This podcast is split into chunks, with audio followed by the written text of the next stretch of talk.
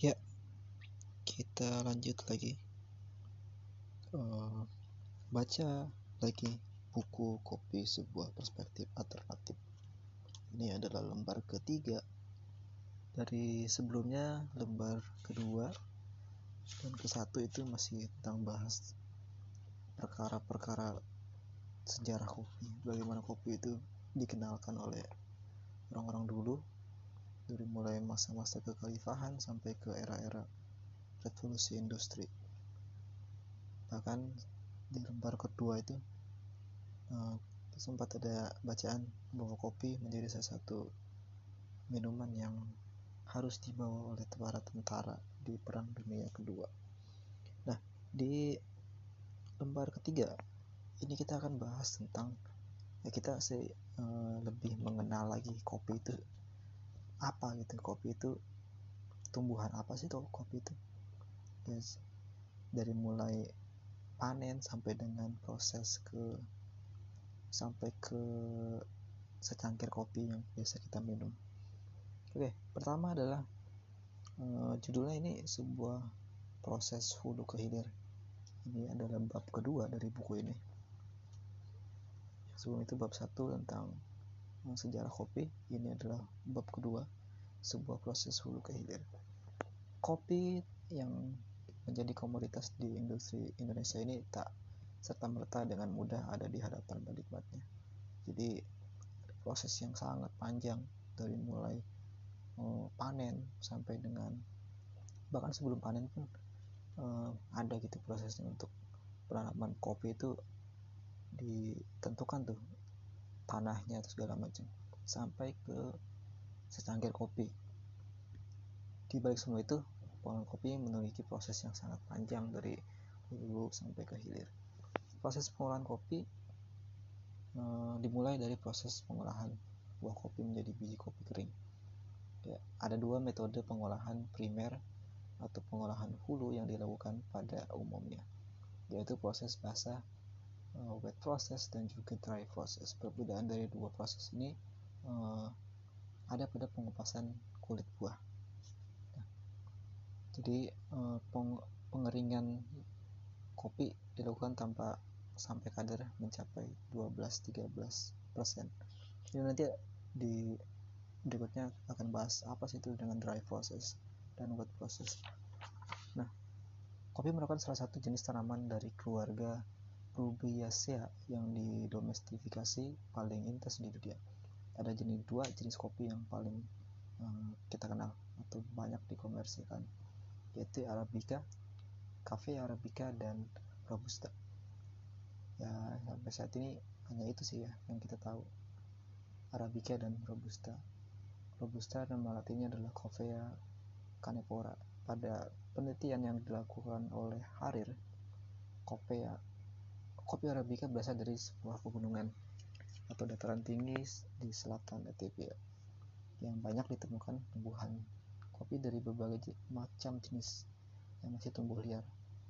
Hmm, salah satu sumber juga menyebutkan bahwa asal muasal kopi dari Ethiopia yang tumbuh di ketinggian 1300 sampai dengan 2000 mdpl. Penelitian lebih lanjut mengumumkan bahwa jenis kopi Arabica yang pertama adalah varietas tipika Bourbon. Tipika atau Bourbon dipercaya menjadi salah satu kopi tersebut dipercaya salah satu kopi tersebut menyebar setelah bibit-bibit yang dilakukan oleh orang-orang Amsterdam itu dibawa ke Amerika Selatan. Tumbuhan kopi memerlukan waktu sekiranya tiga tahun dari mulai penanaman bibit sampai menjadi pohon yang bisa siap panen itu tiga uh, tahun. Dan kopi ini cukup apa produktifnya bisa menghasilkan kopi itu sekitar sampai umur 80 tahun. Tapi dalam buku ini dijelaskan bahwa usia yang paling produktif dari sebuah pohon kopi itu hanya sekitar 30 tahun saja. Jadi 80 tahun itu kalau dirawat baik-baik gitu kan. Jadi bisa menghasilkan kopi ya pasti kurang gitu ya. Karena usia produktifnya itu cuma 30 tahun. Nah berikutnya adalah kita di buku ini. Dibaca lagi buku kopi sebuah perspektif ini dijelaskan tentang proses panen sampai dengan proses uh, pengupasan kulit. Ya pengeringan segala macam gitu ya. Di mana teman-teman juga tahu kalau kopi itu kan harus dikeringkan dulu di apa uh, dibuang dulu tuh kulit kulit bijinya. Nah proses pertama adalah panen. Ya, sebelum kopi ada di tangan kita. Sebelum kopi itu bisa kita seruput ada jerih payah buruh kopi di sana. Mereka memanen kopi secara manual. Yang biasa yang uh, matang itu biasanya warna merah. Tapi ada juga beberapa jenis kopi yang uh, matangnya itu warnanya kuning. Seperti yellow katura. Itu uh, matangnya itu warnanya kuning. Dan proses kedua adalah sortasi buah. Disortir dari mulai ya kalau panen kan cuma yang matang segala macam. Jadi kualitas dari standar kopi itu kan mungkin ada yang yang premium ada yang sedang ada yang rendah gitu ya. Nah dari dalam proses sortasi ini dipilih. Ya mungkin nanti ada yang kecil ada yang uh, bolong atau segala macam. Dia juga memilah memisahkan dari benda-benda lain dari selain biji kopi. Ya misalkan ranting atau kerikil dan sebagainya. Yang kedua adalah pengupasan kulit buah. Ya pekerjaan buruh peketik kopi berhenti sampai proses sortasi. Selanjutnya kopi melakukan proses pengupasan kulit buah yaitu di kulit, yang merah yang kuning itu. Di dikupas. Proses ini adalah awal dari metode basah pengolahan biji kopi. Kopi yang telah dipanen dimasukkan ke mesin pengupas tipe silinder atau uh, apa gitu yang lainnya. Nah setelah di pengupasan kulit kalau teman-teman pernah uh, makan buah kopi gitu itu pasti ada lendir-lendirnya itu nah proses berikutnya adalah proses fermentasi. Jadi setelah kulitnya terkelupas proses selanjutnya adalah fermentasi. Fungsinya apa? Jadi menghilangkan lendir itu lapisan lendir yang ada di kopi ini dalam proses ini eh, dihilangkan. Ini bisa prosesnya basah dan juga prosesnya kering kalau basah di sini dijelaskan bahwa ya direndam selama kurang lebih tiga hari atau dua hari jadi eh, sesuai dengan eh, apa lingkungan juga proses fermentasi ini. Berikutnya adalah pencucian. Setelah uh, fermentasi lendirnya itu sudah terbuang, pasti kan ada sisa-sisa dari uh, apa kerak-kerak lendirnya segala macam. Dan prosesnya adalah pencucian dan ya dicuci lah ya biar uh, biji-bijinya itu bersih gitu. Nah ini proses ke itu satu dua tiga empat lima enam proses keenam adalah pengeringan setelah fermentasi dan juga diisi, selanjutnya adalah kopi dikeringkan. Proses ini berguna untuk mengurangi kandungan air uh, hingga sekitar uh, 12 sampai 13 persen. Proses pengeringan ini bisa di uh, proses alami gitu ya, dikeringkan di bawah matahari ataupun secara uh, bisa juga pakai mesin. Pengukuran, nah berikutnya adalah pengukuran kadar air. Untuk mengetahui kadar air dalam kopi yang telah kering, dilakukan secara berkala. Pada biji kopi tersebut disimpan di dalam gudang setelah pengeringan. Nah, jika kadar airnya itu masih di atas 30%, eh, 30, misalnya 13%, maka dilakukan pengeringan ulang. Nah, proses terakhir adalah pengupasan kulit kopi. Jadi ada kulit ari itu ya. Nah, proses ini adalah untuk memisahkan kopi dengan kulit tanduknya agar menghasilkan kopi yang benar-benar kopi gitu nggak ada kulit-kulit ari atau lendir segala macam yang biasa kita sebut ini adalah green bean nah tadi kita sempat bahas tentang uh, white process dry process. Nah selain itu ada juga proses-proses pasca panen.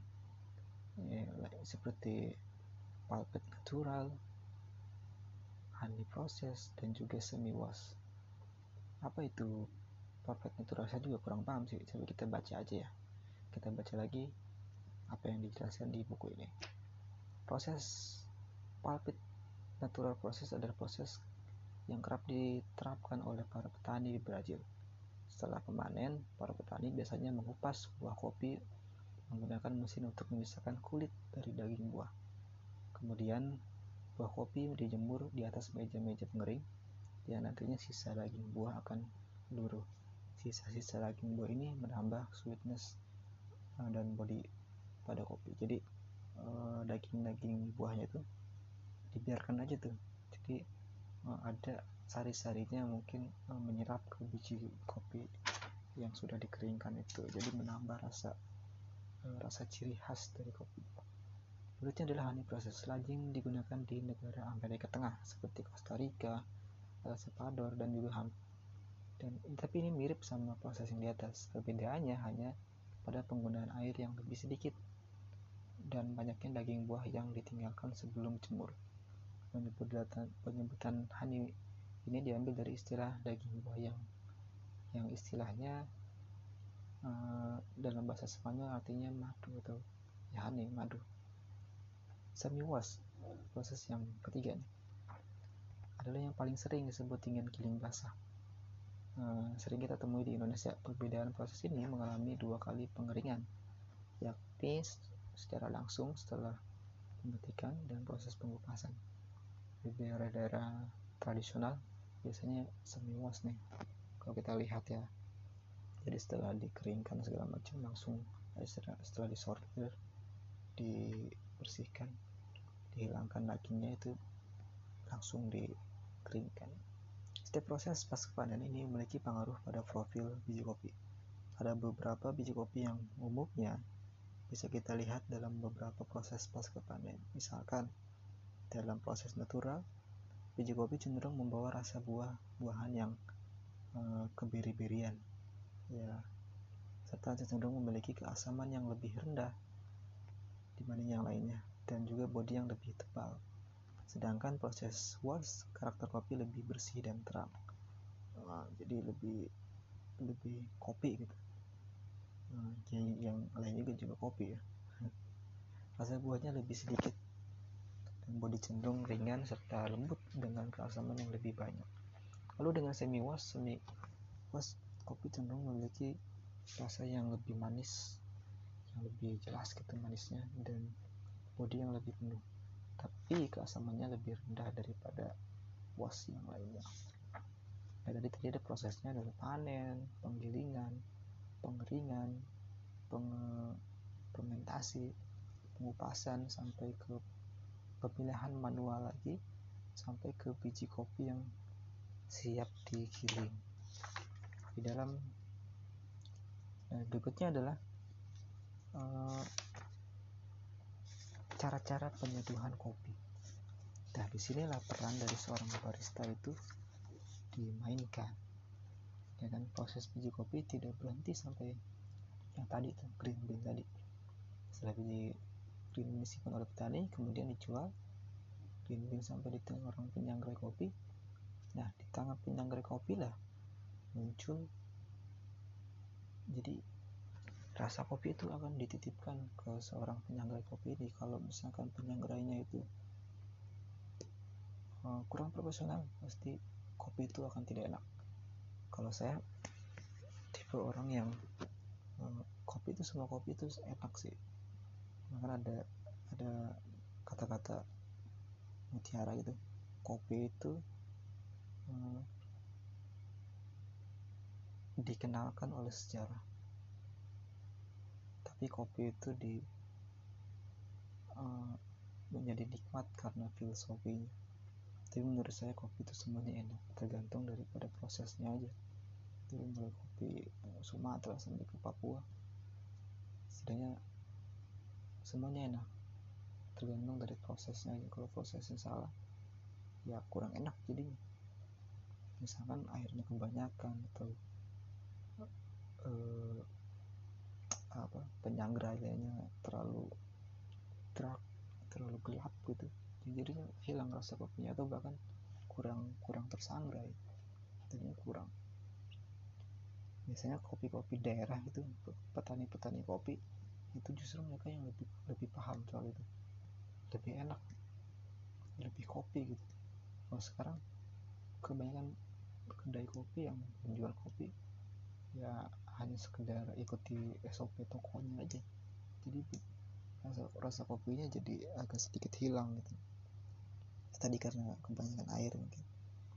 Tahap pertama dari proses sangrai adalah drying atau pengeringan di mana biji kopi mulai menyerap panas kemudian menguap menguapkan kandungan air. Selanjutnya kopi mengalami proses namanya yellowing pada tahap ini biji kopi mulai mengembang dan kulit biji kopi mulai mengelupas. Ya kan kulit kulit paling luarnya itu mulai mengupas walaupun masih padat tapi um, dan masih bro aromanya itu masih belum kopi lah sekarang biji kopi yang terkelupas tadi dipisahkan dari biji yang udah di roasting lewat sistem aliran udara dalam sistem roasting. Ini kalau sudah yang yang udah um, udah keren lah ya ini tapi kan masih ada juga tuh yang, yang masih biasa disangrai pakai kuali. Nah itu biasanya di tradisional masih pakai itu. Tapi itu tapi itu yang lebih enak justru. Setelah yellowing proses ini selanjutnya adalah crack jadi uh, selama kita sangrai itu kopi itu akan meletek meletek gitu kayak popcorn gitu kan. Nah di sinilah uh, aroma aroma kopi itu mulai muncul. Setidaknya ada dua kali proses uh, pemecahan kopi ini. Dan biasanya yang pertama itu untuk mengeluarkan aroma. Dan second crack itu biasanya untuk mengeluarkan uh, minyak-minyak alami dari biji kopi. Nanti biasanya apa aromanya akan lebih lebih lebih enak lebih keluar. Nah secara penyangraian di dalam buku ini jelaskan bahwa ada tiga jenis penyangraian ada light roast, medium roast, dan dark roast. Kalau light roast itu warnanya lebih um, coklat gitu kan. Biasanya ya ras dan juga rasanya itu lebih ringan KPI nya tapi KPI nya lebih tinggi biasanya kalau yang lactose itu. Dan ada yang medium roast biasanya agak coklat coklat agak gelap. Ya biasanya proses karamelisasi yang cenderung membentuk karakter aroma dari uh, rasa rasa manis dari, biji kopi ini. Dan ketiga adalah uh, drug loss. Ya biasanya paling agak yang paling gosong gitu ya. Tapi KPI nya lebih sedikit ya lebih sedikit KPI nya karena mungkin penyelenggaraannya lebih lama gitu ya. Jadi KPI nya lebih banyak menguap. Nah setelah sudah disangrai muncullah ya kan teknik-teknik penyeduhan setelah kopi melalui proses sangrai maka selanjutnya kopi jual ke kedai kafe. Ya walaupun sekarang juga banyak ya kedai kedai atau kafe yang sanggrainya itu di lokasinya jadi aromanya itu bisa menambah uh, ketertarikan orang buat mampir. Beberapa di kafe di Tangerang juga begitu sih. Dan enak. Jadi orang menarik gitu. Ya menu yang biasanya tersebut dengan manual brew.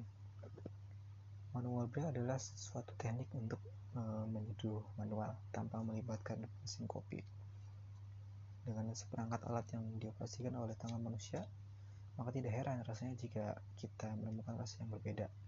Tiap kedai, kedai A, kedai B, itu tergantung dari tangan sang peraciknya.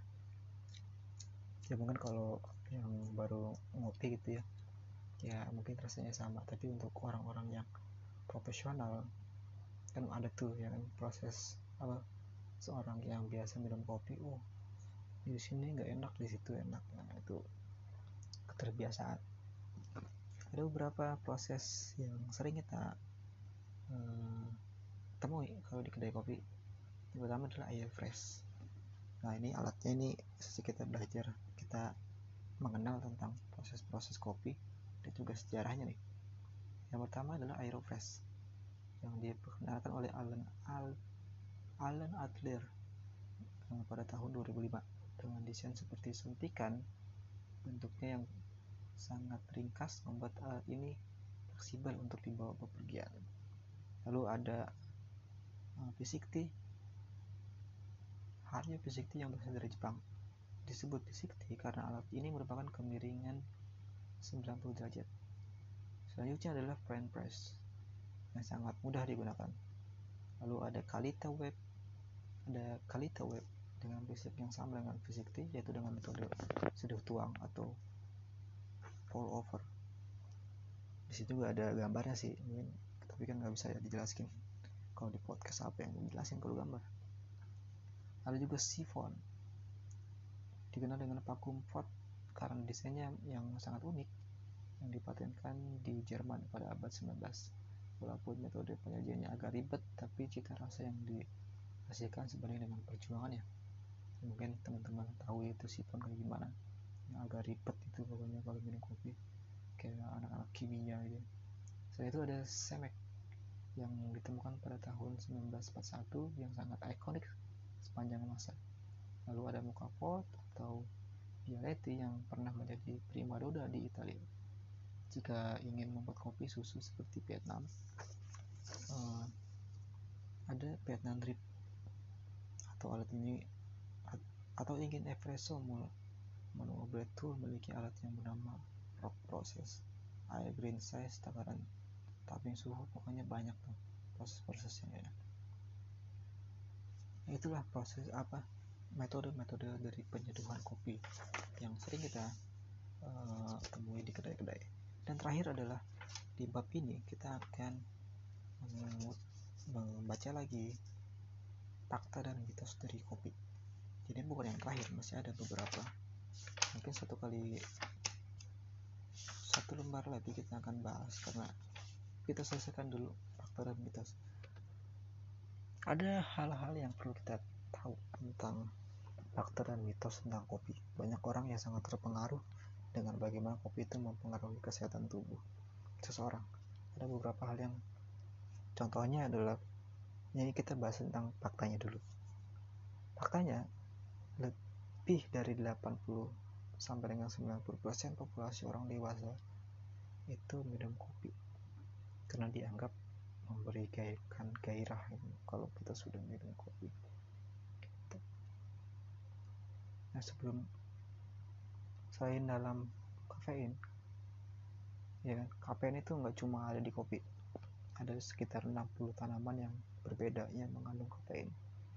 Dan kafein itu bisa diproses uh, dibuat secara kimia atau sintesis bisa juga dijadikan obat tambahan makanan untuk penambah rasa gitu. Kafein berfungsi sebagai stimulan ringan. Hmm, bisa juga menambah dopamin. Kafein itu bisa menambah dopamin atau zat kebahagiaan dalam otak yang mengatur suasana hati kita. Itu sama dengan yang ada di coklat. Beberapa nah itu tadi faktanya. Nah uh, selanjutnya adalah mitos. Ini yang paling sering dibahas oleh orang. Seperti bener gak sih minum kopi itu bikin kita nggak susah tidur? Bisa nggak sih? Bener gak sih kopi itu mempengaruhi asam lambung kita? Ini sedikit ada juga di sini bukunya dalam buku ini. Ternyata uh, tentang kopi itu menyebabkan susah tidur kopi memacu resiko penyakit jantung dan terakhir adalah kopi dan rokok adalah kombinasi yang buruk. Betul nggak sih seperti itu? Mungkin yang orang-orang yang baru pertama minum kopi orang yang nggak terbiasa minum kopi ketika minum kopi dia uh, jadi susah tidur. Ya benar juga sih itu nggak nggak salah. Tapi kalau jadikan itu patokan pengen pengen melek terus minum kopi? Enggak juga. Karena ada orang-orang yang sudah terbiasa minum kopi ya tidur kan tidur aja gitu kan. Tergantung ngantuk apa enggaknya. Tapi itu tergantung dari kepekaan orang itu. Terbiasa mereka mengonsumsi kafein kalau dalam tubuhnya udah terbiasa dengan kafein ya biasa aja. Dan terus tentang kopi dengan rokok adalah uh, kombinasi yang buruk. Saya rasa di sini itu adalah hanya sekedar mitos karena kenapa sifat nikotin adalah cepat menghapus kafein. Kopi tanpa kafein akan meningkatkan keinginan untuk merokok. Nah, dan terakhir adalah mit. Jadi mitos saja sih. Ini kalau ngerokok sama ngopi ngopi aja. Jadi tergantung orang. Yang pertama tergantung kepekaan orang. Jadi kalau dibilang kopi dan rokok adalah sesuatu yang kurang baik, ya rokok emang gak baik. Ya, faktanya itu. Jadi faktanya kopi dan rokok ya kalau emang minum minum dan ngerokok ngerokok aja gitu. Dan faktanya ada ya kopi itu eh rokok itu adalah sesuatu yang buruk. Mitos yang terakhir adalah benar nggak? Jantung itu akan terpengaruh ketika kita minum kopi jantung orang sehat yang minum kopi dalam tingkat sedang dua atau empat cangkir sehari tidak terpengaruh dengan efek kafein dalam kopi jadi hapuskan mitos itu dari kepala kita mereka yang berhenti minum kopi secara tiba-tiba telah sebelumnya teratur minum kopi bisa mengalami kegelahan, gampang ngantuk, dan juga sakit kepala. Gejala-gejala itu biasanya muncul sehari setelah kopi itu diberhentikan. Jadi sekarang kopi itu menjadi satu uh, apa kecanduan. Apa pun itu kecanduan pasti ketika kita stop melakukan hal tersebut pasti tubuh kita akan merespon dengan keter kegelisahan segala macam jadi kopi itu kalau kita tidak kontrol itu juga bahaya jadi kalau bisa untuk mengimbangi keterbiasaan kita minum kopi perbanyak juga minum minum air putih. Karena untuk uh, aliran darahnya tidak tidak terganggu atau asam lambungnya tidak tidak berlebihan. Nah, itu mungkin itu aja di bab kedua dari lembar ketiga di buku kopi sebuah perspektif alternatif. Jadi buat yang baru mendengar kenapa saya buat baca lagi ini. Ini hanya sekedar untuk dokumentasi pribadi dari buku-buku yang pernah saya baca yang sekiranya saya akan nikmati lagi di masa yang akan datang. Tapi kalau bukunya sudah tidak enak dibaca tidak enak secara tulisan itu visual kan bisa saya dengar rekaman ini. Jadi kalau ada yang mendengar saya ucapkan terima kasih dan kalau tidak pun ya nggak masalah sih buat saya atau saya juga nggak pernah promosi uh, audio ini di mana pun. Ya, jadi terima kasih sudah sampai ke lembar ketiga. Baca lagi buku kopi sebuah perspektif alternatif. Oh ya ini adalah karya dari teman-teman di Ura-Ura Surabaya dan Komunera Kapare kalian bisa cek tuh orang-orang itu. Keren keren keren mereka. Di IG juga ada Ura-Ura atau Komunera Kapare oke sekian